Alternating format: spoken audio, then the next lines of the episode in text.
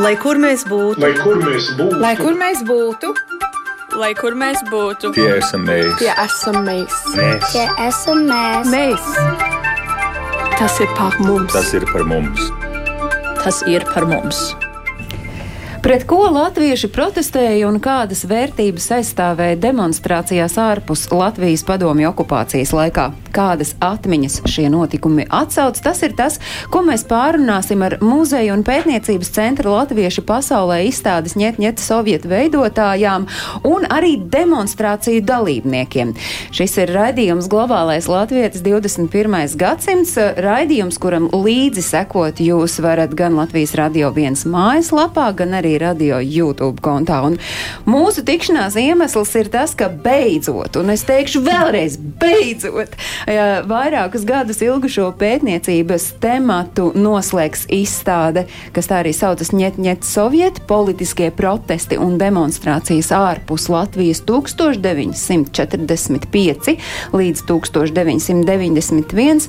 Un beidzot, jūs droši vien nojaušat, kāpēc, tamdēļ, ka pandēmijas dēļ izstādi nācies ir pārcelt jau divkārt, nu, bet šobrīd atklāšanas diena ir nolikta, un šķiet, ka nu pat vairs nekas nevar to izjaukt, un šī atklāšanas diena ir nolikta Latvijas neatkarības atjaunošanas diena 4. maijs.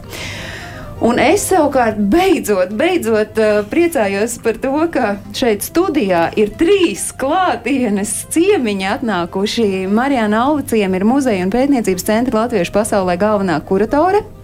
Es sveicinu arī klātienē Valdu Liepiņu, un saistībā ar šo tematu es jūs piesaku kā bijušo trimdas aktīvisti Austrālijā, kura ir piedalījusies 1974. gada demonstrācijās. Un savukārt Aivars Sinker, Daugaus Vanagu centrālās valdes priekšsēdētājs un latvietis no uh, apvienotās karalistes, kurš arī ir piedalījies demonstrācijās un ļoti labi zina, uh, ko tas nozīmē piedalīties šajās demonstrācijās. Un es esmu arī priecīga, ka šajā sarunā tiesa gan šoreiz attālināti piedalās Ieva Vītola, kura ir muzeja un pētniecības centra Latviešu pasaulē valdes locekle un arī saistīta ar šīs izstādes, kuru es jau pieminēju, rīkošanu un organizēšanu. Un sveicināti visiem! Jā, sveiki! Labdien! uh, Izstāde ir uh, ilgi gaidīts notikums. Uh, beidzot, beidzot, es esmu nu, jau vairāk kārt uzsvērusi. Tas ir arī saistīts ar to, ka tas ir. Izstāde ir vairākus gadus ilgušas pētniecības rezultāts, auglis, saucam, kā gribam. Kāpēc katram no jums šī izstāde ir svarīga? Marijana, sākam ar jums.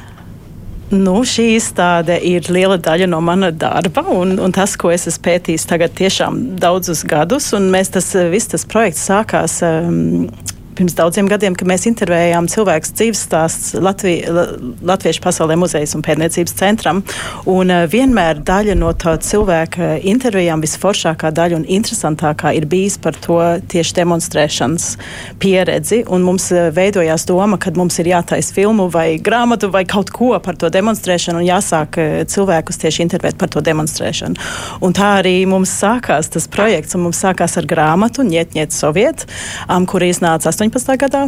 Un tad mēs uh, strādājam pie filmas Valiant um, par uh, Jūra Bļodnieku demonstrācijas mašīnu. Tā, to atvērām pagājušā gada novembrī, un tad šogad beidzot izstādi. Tātad šo, šī laikā esam sakrājuši muzeja krājumā ļoti daudz priekšmetus un um, fotografijas un arī pieredzes stāstus. Un tie visi no tāda personīgā viedokļa tiek, tiek parādīti izstādē.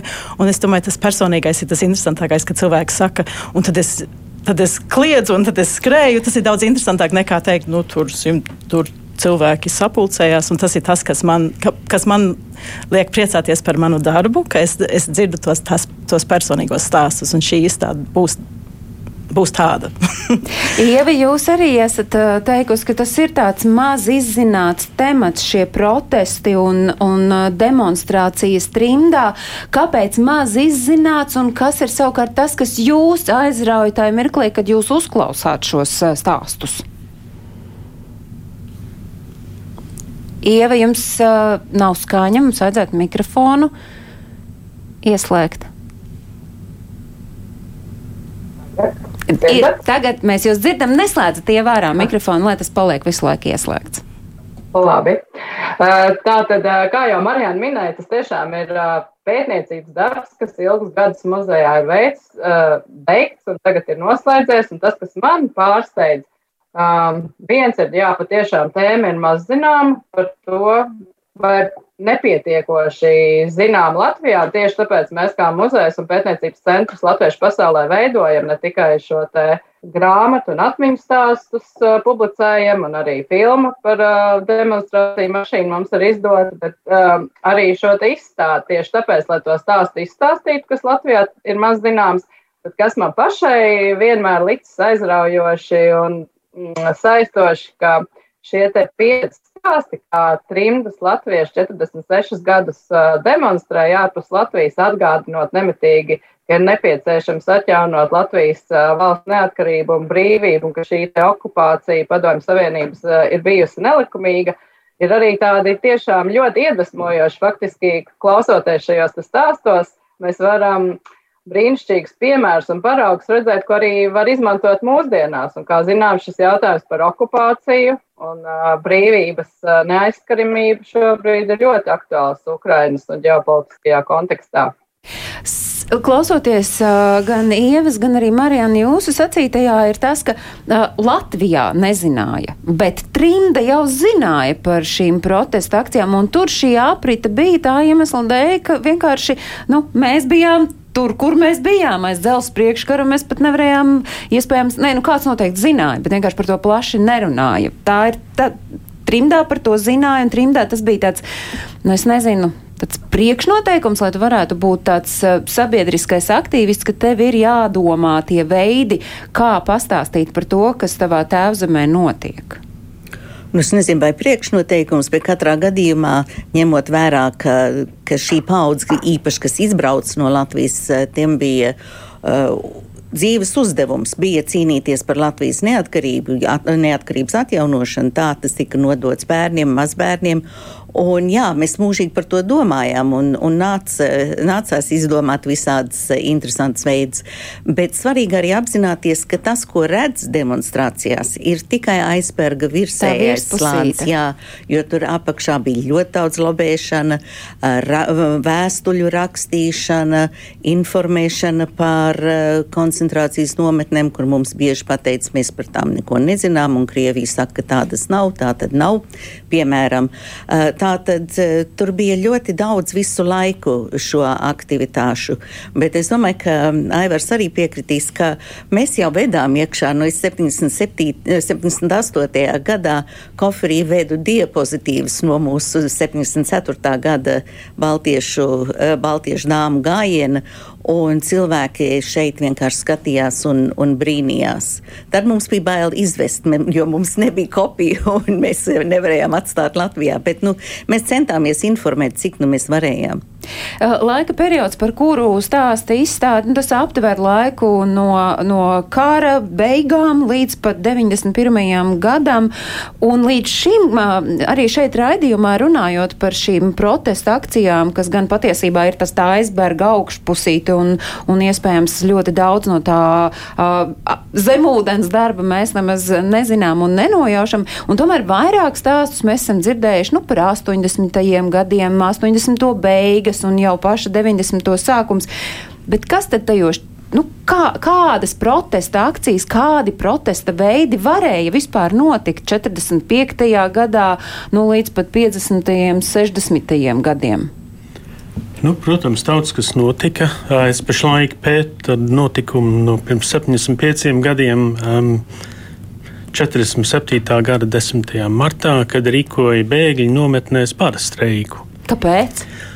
Ko jums ir izdevies izpētīt un kād, kas, ko izdevās panākt? Ar? Faktiski samērā daudz. Tajā momentā varbūt to nejūt, bet pēc tam tas iespējas ir, ir ierēģiņu un politiķu vēstulēs un tā tālāk un dokumentos.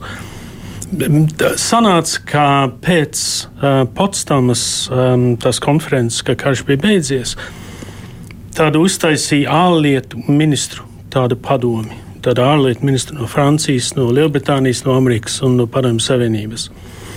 Un viņi rīkoja savu nākamo kārtīgi, kārtējo tikšanos tajā martā, 46. gada martā, 47. gada martā.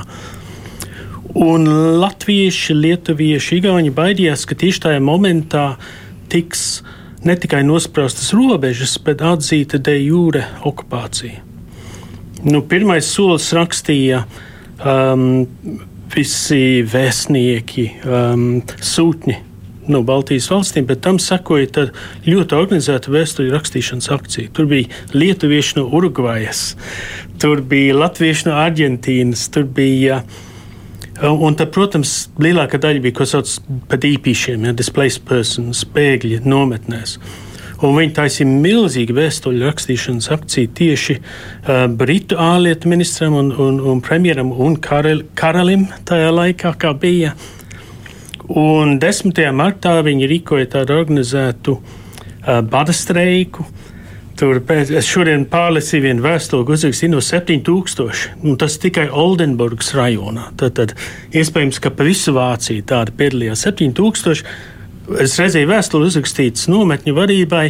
Šodien nepiegādāt ēdienu, mēs nestrādāsim, mēs nēdīsim. Un tāpēc tam Britu uzraksta ārlietu ministrs pārstāvis saka, tas bija. Cieņpilns, tas bija patētisks, bet oriģinālā vārda nozīmē, ja, respektīvi bēdīgs um, un ļoti mier, mierīgs notikums. Un, un tad pašā vēstules apakšā ir, ka Baltieši ir vislabākie dīpīši visā Vācijā. Klausoties, es domāju, šobrīd 22. gadsimts, un mēs saprotam, 21. gadsimts, 2022. gads šobrīd kaut ko tādu norganizēt. Viens un divi sociālie tīkli, viss. Kā tas notika tais laikos, kā šī savstarpējā saziņa notika? Kā tas varēja būt, ka 47. gads un, un, un 46. un raksta lietuvieši no Urugvajas un latvieši no, ar saziņu no kurienes? Viss izdarīts ar vēstulēm. Nu, varbūt starp tām nometnēm cilvēki izdevās aizbraukt ar smago mašīnu vai kaut ko tādu, viss ir vēstulēm. Un cepuri nost mūsu sūtņiem Kālis Zariņš, Britu arhīvos, viņa redz vienu vēstuli pēc otras, pēc otras, pēc otras. Viņš piedalījās visur, visur rakstīja, īsta zvaigzne. Viņam tāds foršs vecmodīgs rokraksts, un viņš vienmēr pirms sava paraksta vienmēr rakstīja Believe me, tici man, un tad paraksts. Mēs uh, runājam par, par to laiku, tātad 40. gadu beigas, 50. 60. gadi, vai tur vēl ir kādi spilgti notikumi, par kuriem mēs iespējams neesam dzirdējuši? Nu, visu laiku, es domāju, latvieši ir demonstrējuši, un, un tās demonstrāciju dienas daudzreiz bija 14. jūnijas, kad arī pieminēja aizvesto piemiņas diena, un šeit arī es redzu, ka bildēs aiz jums tur viena parādās tieši no latviešiem, kas iebrauc Bostonā, un uzreiz pēc tam, ka viņi iebrauc šeit, var redzēt Bostonas latvieši, kas jau 50. Gada, 50 es nezinu, kurā gadā demonstrē. Tātad, jā, latvieši vienmēr ir demonstrējuši. Es domāju, no 60. viens interesantākais notikums ir tieši tieši Stokholmā, kad Hruščovs brauca vizītē un eh, kad latvieši jaunieši Stokholmā izdomāja kaut kādā veidā pievērst uzmanību to, Lat ka Latvija ir okupēta. Un grūtākais vienmēr ir, kā, kā iekļūt presē, ja tu esi, jo jūs neesiet daudz, vai ne, ja tu esi 100 vai 200 vai 300 cilvēku, tu vari iet un kliegt un kaut ko pārkliegt, bet šeit ir tikai daži latvieši jaunieši, ko tu, tu vari darīt, lai izjauktu kārtību, lai, lai kāds tevi sadzird, lai tu iekļūst presē. Un tas ir vienmēr bijis tas jautājums latviešiem.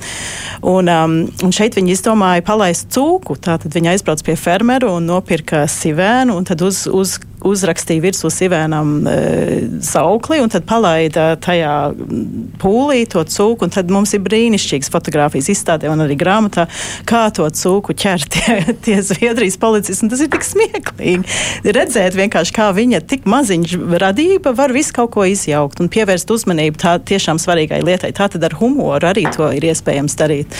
Um, un bija viņi sarunājuši vienu fotografu, Jānu Bredermanu, kurš bildēja šo, un tad viņi nodeva tās fotogrāfijas presē, un tad presē arī to parādīja. Tā, tā, tā, ir viena tāda mana mīļākā demonstrācija no 60. gadiem.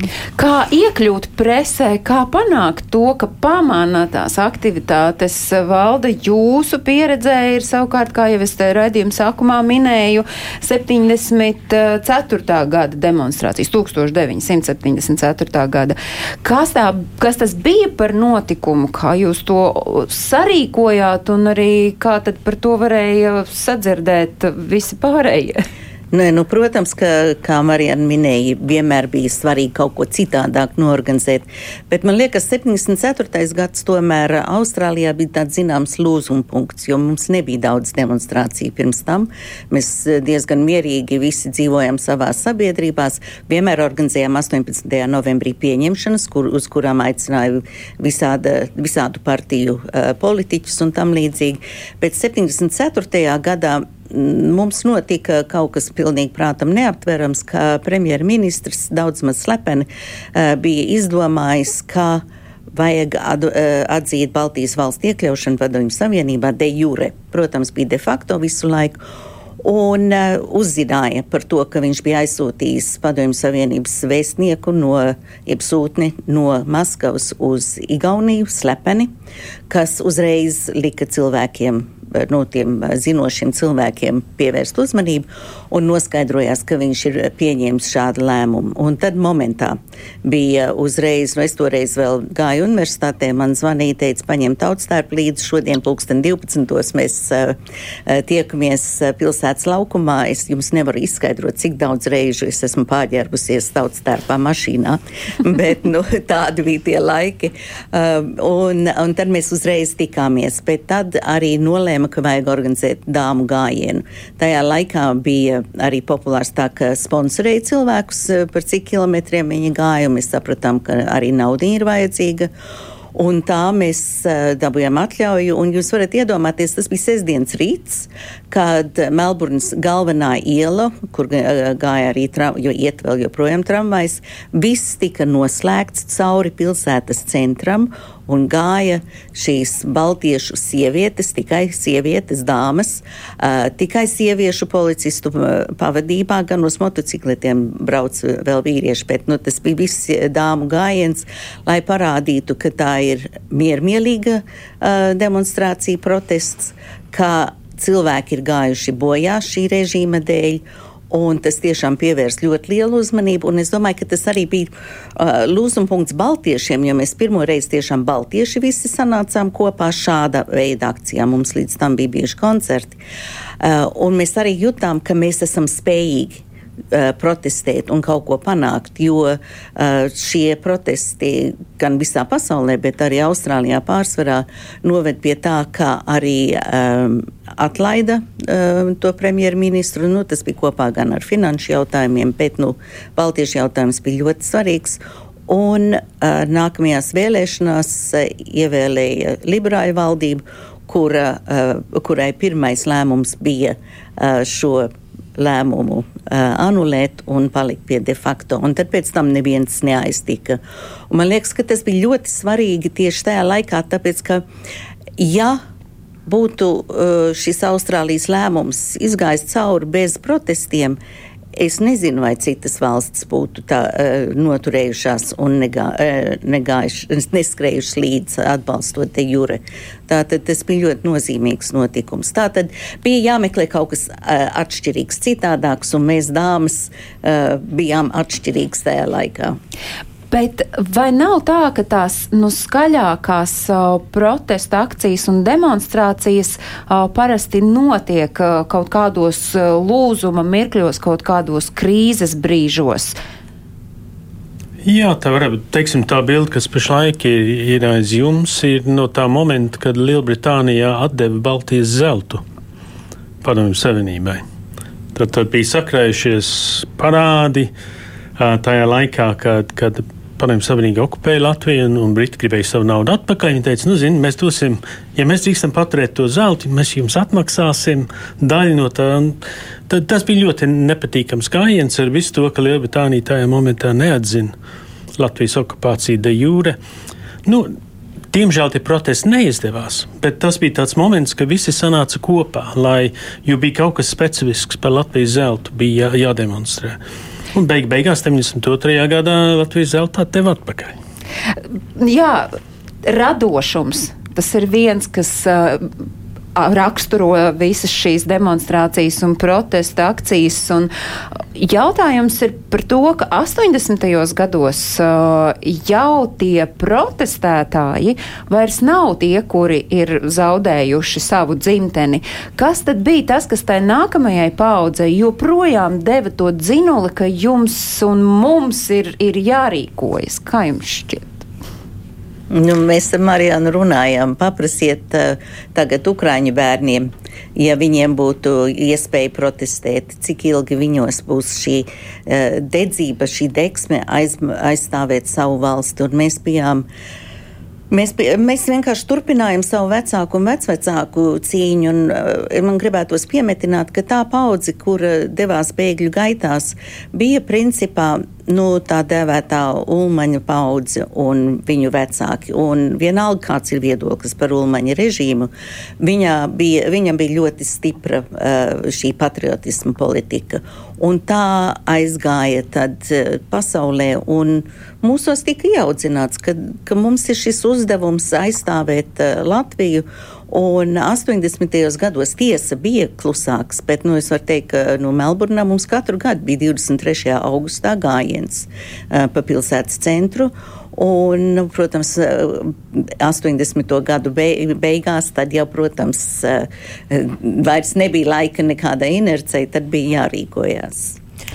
Bet, bet es gribēju teikt, ka arī ne tikai tā dedzība par Latviju, kas bija ieaudzināta tajā nākamajā paudzē, bet arī es domāju, ka bija maz, vismaz es biju par jaunu tajā brīdī īsti pati demonstrēt, bet runājot ar cilvēkiem, kuri tad bija aktīvi, man ir aizdoms, ka tur arī ir daļēji jaunības trakums un prieki un draugi un adrenalīns un viss tās foršās lietas, ka tu brauc visu nakti tikt uz demonstrāciju, tad tev ir draugi apkārt. Tad kādam jābūt tik drosmīgam novilkt kreklu nost un ņēt, ņēt sovietu, un tad izjauc visu to pasākumu, kas ir koncerts, kur sarkanā armijas koris dzied, un viss tas, nu, tā, tie stāsti tiešām ir tādi tādi, ka tu domā, jā, patriotisms, bet arī mazliet Jaunības maksimālisms, Aivar, ja?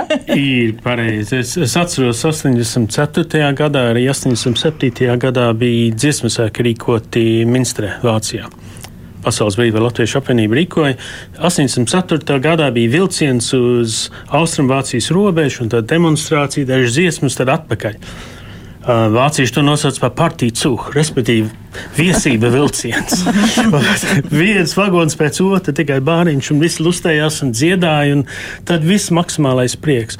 Un 87. gadā principā bija tas pats, bet brauc uz Berlīnu. Tad tādēļ bija jābrauc cauri. Uh, Austrumvācijai vilcienu jāgaida, kamēr tur pārbauda visi robežu sargas suņiem un tā tālāk. Uh, un tad visādi lustīgi notikumi Berlīnē. Tad, tad bija arī prieks. Ir, tāda dubulta lieta, teiksim, ja tev ir mērķis, tas, tas tavu dzīvi ļoti rotā un dod vienu virzienu, bet tas arī ir sloks. Es nezinu, kā citiem man tāds iedzimtais britu kautrīgums un ir kauns. Man faktiski nemaz nepatika demonstrācija. Es gāju, protams, bet mm. man bija nērti, man jāatzīstās. Bet tagad tā sajūta tomēr droši vien ir tāds gandarījums, ka tam nērtumam ir tikts pāri un ka jūs esat viens no tiem, kurš ir šo trimdas vēsturi tomēr veidojis ar, ar saviem soļiem, ko jūs esat spēris. Savā veidā, jā, tas ir jāsaprot. Ir arī jāsaprot, tas ir citādāk nekā kādam, kas tā drosme, kas bija vajadzīga šeit, Latvijā, kad mums uzvilka sarkanu, baltu sarkanu karogu baznīcas turnī. Ja? Tā ir pavisam cita lieta. Bet, protams, skatoties atpakaļ, tev ir ļoti spilgti, krāšņi momenti.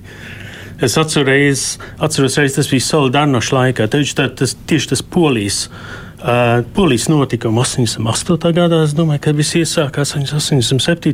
gadā. Atbrāc arotbiedrības pārstāvi no Padomju Savienības uz Nottingham, Anglijas vidienē. Un, protams, arotbiedrības Padomju Savienības laikā no tie, kas te dzīvoja, tad, zinās, bija principā tāpat kā valdības pārstāvi. Un šoreiz poļi tur rīkoja, un tad bija ukrāņi, baltieši. Mēs vienkārši sēdējām tajā mītiņā, un katrs prasīja neērts jautājums. Skāļi, un tad pēc tam pacēlamies pacēlām rokas, nobalsojam vienu rezolūciju. Nu, proti, vēl, vēlreiz es gribu uzsvērt to, ka tas tiešām ir bijis ļoti radošs pieejams un meklēt visdažādākos veidus, kā izstāstīt par to, kas notiek Latvijā, kas notiek Baltijā. Viena no tādām ļoti spilgtām liecībām, ko arī Marijāna jau raidījumā pieminēja režisors Mārs Pelēts, dokumentālā filma Valiant brauciens uz brīvu Latviju, kas vienkārši stāsta un ir fiksēti šie notikumi, trimds jauniešu politiskās demonstrācijas 20. gadsimta 80. Gados gados. Un tūdaļ pavisam neliels fragments no šīs filmas, un arī tiksimies ar Jūri Bļodnieku vīru, kurš savulaik iegādājās automašīnu, un tad pēcāk tieši viņš šo auto padarīja par tādu simbolu trindas jauniešu politiskajām aktivitātēm. Tā kā mašīna pārkrāsoja, un es izdomāju, ka es tomēr gribētu kaut ko zīmīgu viņai uztaisīt. Un tad mēs uztaisījām viņu kā vienu uh, pretpadomju mašīna. Um, tika sirds un āmurs uzkrāsots uz katras mašīnas durvīm, labajā un kreisā pusē. Man bija uh, labs draugs Arts Rumpēters, kurš forši zīmēja. Viņš uzzīmēja Gorbačovu galvu, un tur, kur viņam tā dzimuma zīme, galvā mēs uzlikām jautājumu zīmi un uzrakstījām, nu, lai viņš iet ratā. Um, tādā interesantā veidā Gorbačov go to hell. Aizmugurē mēs uzrakstījām uh, Russia, get out of Estonia, Latvija, Lithuania. Un man iznāca, ka es to mašīnu tādā veidā braucu vairākus gadus. Dabūju ļoti daudz jautājumu. Man diezgan regulāri policija apturēja, bet katru reizi, kad viņi man apturēja, tad es pastāstīju viņiem par Latviju, ko mēs darām un, un kas tur notiek un kādas nebūšanas ir. Un, un, nu, tad vismaz policija bija izglītota par latviešu lietu. Nu, lūk, tas, ko mēs dzirdējām, vīrs, kas runāja, ir Juris Bļodnieks no filmas Valiant brauciens uz brīvu Latviju. Filmas, starp citu, Latvijas televīzijas pirmais kanāls demonstrēs 3. maijā, tātad ikvienam būs iespēja šo filmu noskatīties, un es saprotu, ka filmas veidotāji kuplākā un mazāk kuplā pulkā brauc arī Latvijā pie skolēniem, rāda filmu un stāsta latviešu jauniešiem par šiem notikumiem. Un Marijāna, pavisam īsti, kā tad latviešu šā brīža jaunatne uztver šīs drusku ampelēšanos, bet ar tādu zemtekstu, un tas, kur sūtīja Gorbačovu savulaik, šobrīd arī sūta uh, uz stipri līdzīgu vietu, vai, vai viņi sajūt šo, šo saiti? Jā, ir interesanti, jo, kad mēs veidojām filmu Valiant, mēs nezinājām īsti, vai jauniešiem tas interesēs, vai tas viņus uzrunās. Mūs tas uzrunā, bet kā, kad Dievs vien zina, kā tie jaunieši to vai ne uztie, uztvers. Bet mums uz pirmizrādi, un arī mēs mm, skolā Madonā rādījām filmu pagājušā gada novembrī, un, um, un jaunieši ļoti, ļoti atsaucīgi tai filmai, un ļoti kaut kā tas viņus tiešām uzrunā un liek viņiem mm, padomāt par to, kā viņi paši var būt aktīvi, un, um, un, un kā cilvēki agrāk ir cīnījušies par Latvijas neatkarību. Un tāpēc uh, mums ir liels prieks, ka Juris būs tagad uh, aprīļa beigās šeit un, un uh, vairākās vietās Gulbenē un arī vairākās vietās Latgalē parādīs filmu skolās vecākām klasēm un stāstīs par to. Un, um, jā. Principā eh, skolēniem ir jā, jārunā, lai uz viņu skolu jā. ved šo filmu. Jā, un es, es, es atcerējos, ko es gribēju teikt, ka īsnībā tas, eh, ko Aivars teica par to, ka tev jāpārkāp sev pāri, bija interesanti, kad šo, eh, šogad, kad pirmā dienā, kad iebruka Ukrainā, mēs, man mājās ir divi jaunieši, viņi ir ceļojuši līdz mammai visā šī filmu un izstāžu lietā, un tā ļoti pasīvi no malas skatījušies, bet tad, kad es domāju, mēs paši esam atraduši, kad strādājot pie šīs tēmas, mēs paši esam ļoti iespaidot no tā, jo tūlīt, kad bija Ukrainas notikums, tad mēs visi metām darbus pie malas un bērni sāka zīmēt plakātus un saukļus un bija devās uz to pirmo, vai ne, pirmo demonstrāciju ārpus Krievijas vēstniecības bez jautājumiem. Un tiešām, kur Gorbačevs gāja, tur, kur viņi sūtīja toreiz, tagad viņi uzrakstīja to pašu par Putinu. Un, un es domāju, ka tas īstenībā bija daļai tā, ka viņi šos stāstus zina un redz un saprot, ka, ka jārīkojas, ka tev ir jāizpauž savu attieksmi. Nepietiek, ka tu sēdi mājās un pukojies un kliedz uz televizoru. Ieva, jums arī ir tāda sava pieredze, pieauguša cilvēka vecumā, saprotot, ka no tā, ko ir savulaik trimdinieki darījuši, mēs varam tikai un vienīgi šobrīd mācīties pie tā brīža notikumiem, kādos mēs dzīvojam. Uh, jā, tieši tā, jo faktiski uh, es jau arī rakstīju blogā, kas mums muzeja mājaslapā ir uh, pieejams, ka faktiski man bija teorētiska pieredze par to, kā dodas demonstrācijās, dzirdēt dažādās intervijās no ārzemju latviešiem. Man tā vienmēr ir uh, raisījusi apbrīnu un, uh, un uh, tādu līdzpārdzīvojumu, bet faktiski sākoties tagad Ukrainas karam un kad 5. martā bija šī lielā demonstrācija Rīgā, tad mēs arī uh, iespaidojoties no dzirdētā un no tā, kā jāgatavojas demonstrācijām, ko mēs arī izstādē stāstīsim un rādīsim, faktiski tad mēs arī visi ģimeni devāmies uz šo demonstrāciju un faktiski jāsaka, tas bija tāds arī ļoti personīga pieredze par to, kā tas viss notika. Un, un es arī uzskatu, ka tas ir tāds veids, kā justies kopā ar visiem demonstrācijās un arī šo grūto laiku pārdzīvot. Ka tu neesi viens un ka tu vari atbalstīt Ukrainu cīņā uz, uz brīvības atgūšanu. Tā kā es visiem iesaku joprojām doties pie Krievijas vēstniecības, vai tas būtu Latvijā vai visur pasaulē, ņemt līdzi bērnus, jo tas ir tiešām ļoti nozīmīgi ne tikai pašiem ukraiņiem, bet arī pašiem priekš sevis, lai šo laiku pārdzīvotu. Jā, jūs arī esat teikusi, ka tā ir vienkārši vieta izaugsmai un jaunai pieredzei, ko mēs varam kaut vai klausoties Aivara piemēru, nu tik tam pāri šobrīd aiziet pateikt kādu saukli. Bet um, vēl, viens, uh, vēl viena liecība demonstrācijām, kas uh, nu, tā diezgan skaļi ir pāršaukusi savulaik, uh, es gribētu teikt, uh, visu pasauli ir saistīta ar mācītāju un trimdas aktīvistu Māri Ķirsonu.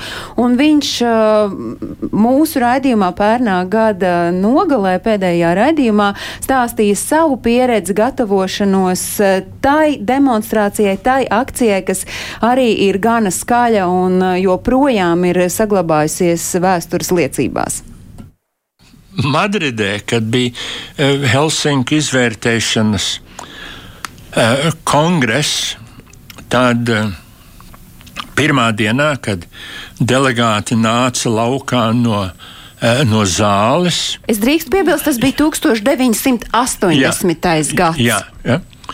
Viņi redzēja, ka tur stāv viens mācītājs uz krievu karoga, un tam mācītājam tek asins no, no rokām. Tas ir no, eh, no Time žurnāla. Un eh, te, te, te var redzēt to, to vienu roku. Ja?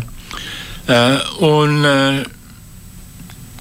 tas gadījums man sūtīja izgriezums no Hongkongas avīzēm, no, no Dienvidamerikas. Ta, tas aizgāja pa visu pasauli. Pa, pa visu pasauli ne? Proti, ka te ir latvieši protestē pret to, ko Krievi dara, lai gan viņi ir apsolījušies tā nedarīt te Helsinku līgumā. Tas jau bija tas, tagad izvērtēt to Helsinku līgumu, kā tad Krievi to ievērot. Un Tetlis mācītājs saka, bolšet, viņi to neievēro. Kā jums ienāca prātā, ka tieši tā ir jādara? Kā jums ienāca prātā, ka jums ir jāstāv uz padomu savienības karoga, vai jūs tiešām bijāt sevi iegriezis? Un, un... Man, mēs jau bijām doktoriem sarunājis, man jau bija tās adatas uh, jāieliktas un, un tā tālāk. Kā man tas ienāca prātā? Man jau Ilgārs Pilners, kas bija PBL priekšnieks, bija prasījis, lai es kaut ko daru, jo mēs jau bijām Krievu karogu Vašingtonā dedzinājuši pirms tam eh, un tā tālāk. Un es tagad domāju, nu, nu kaut ko jādara. Un es vienu dienu avīzē lasu, ka divi, kato, divi brāļi, katoļu priesteri, esot aplējuši Amerikas kara klausības vienu no tām uh, oficēm ar, ar savām asinīm.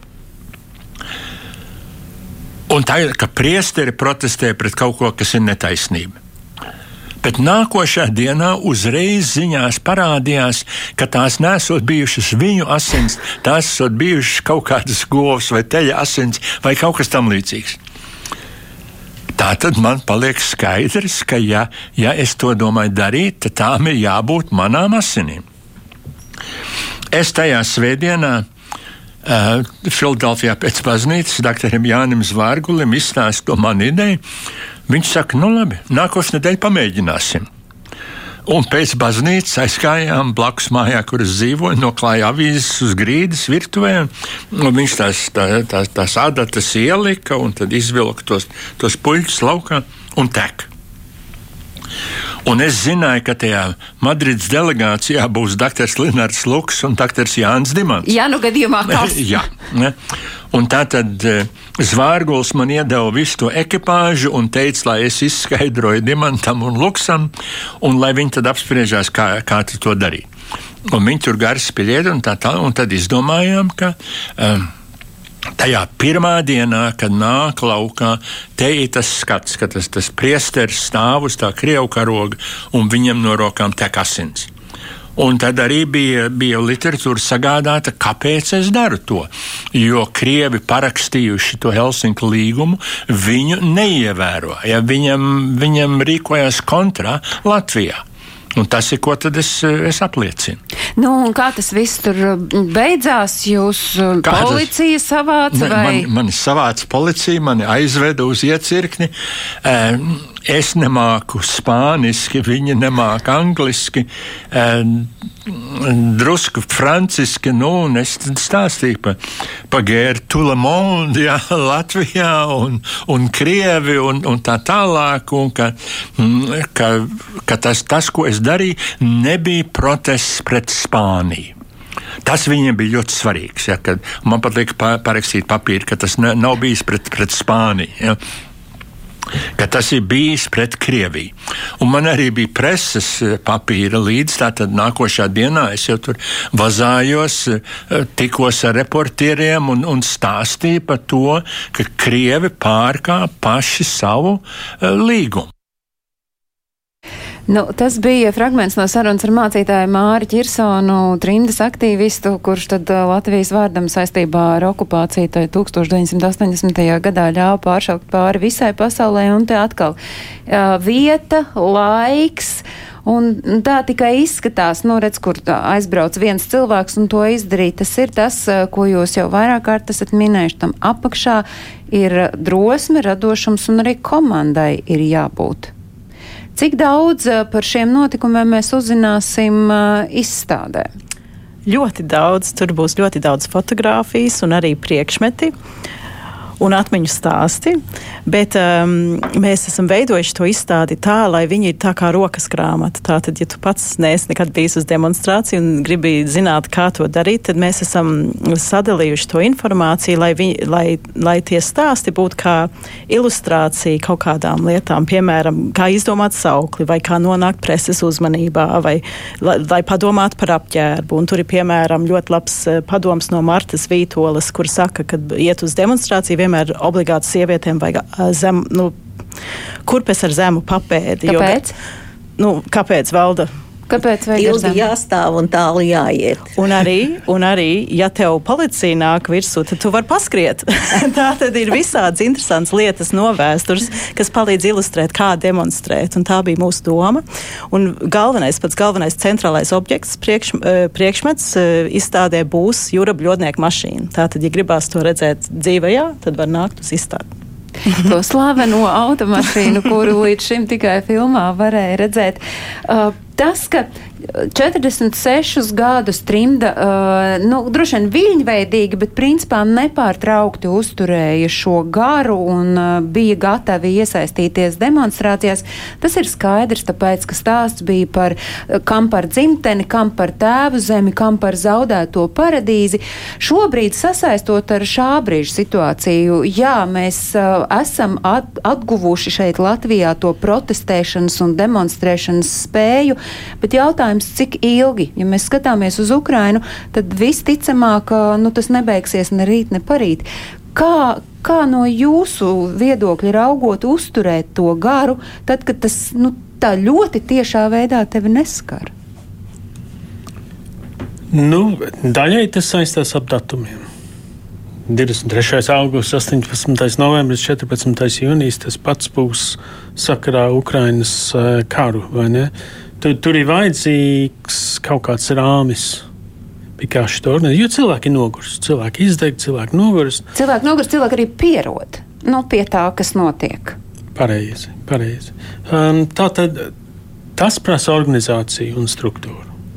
Un vai, Ieva, piemēram, jūs redzat, ka Latvijā šobrīd ir cilvēki, kuri ir gatavi, iespējams, pēc izstādes apmeklējuma nu, atgūt to duku un uh, protestētāju garu?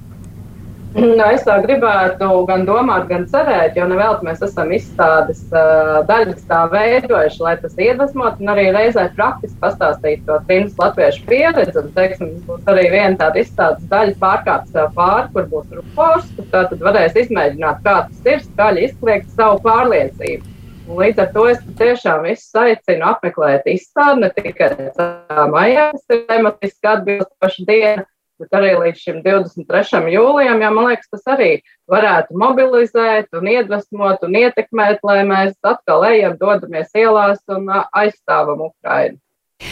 Paldies! Tātad 4. mājas 23. jūlijas Rīga, Latvijas dzelzceļa vēstures muzejs. Tā būs tā vieta, kur mēs varēsim izzināt to, kāda tad bija tā trimdas latviešu nerimstošā, radošā un iedvesmojošā cīņa, kas ilga 46 gadu garumā.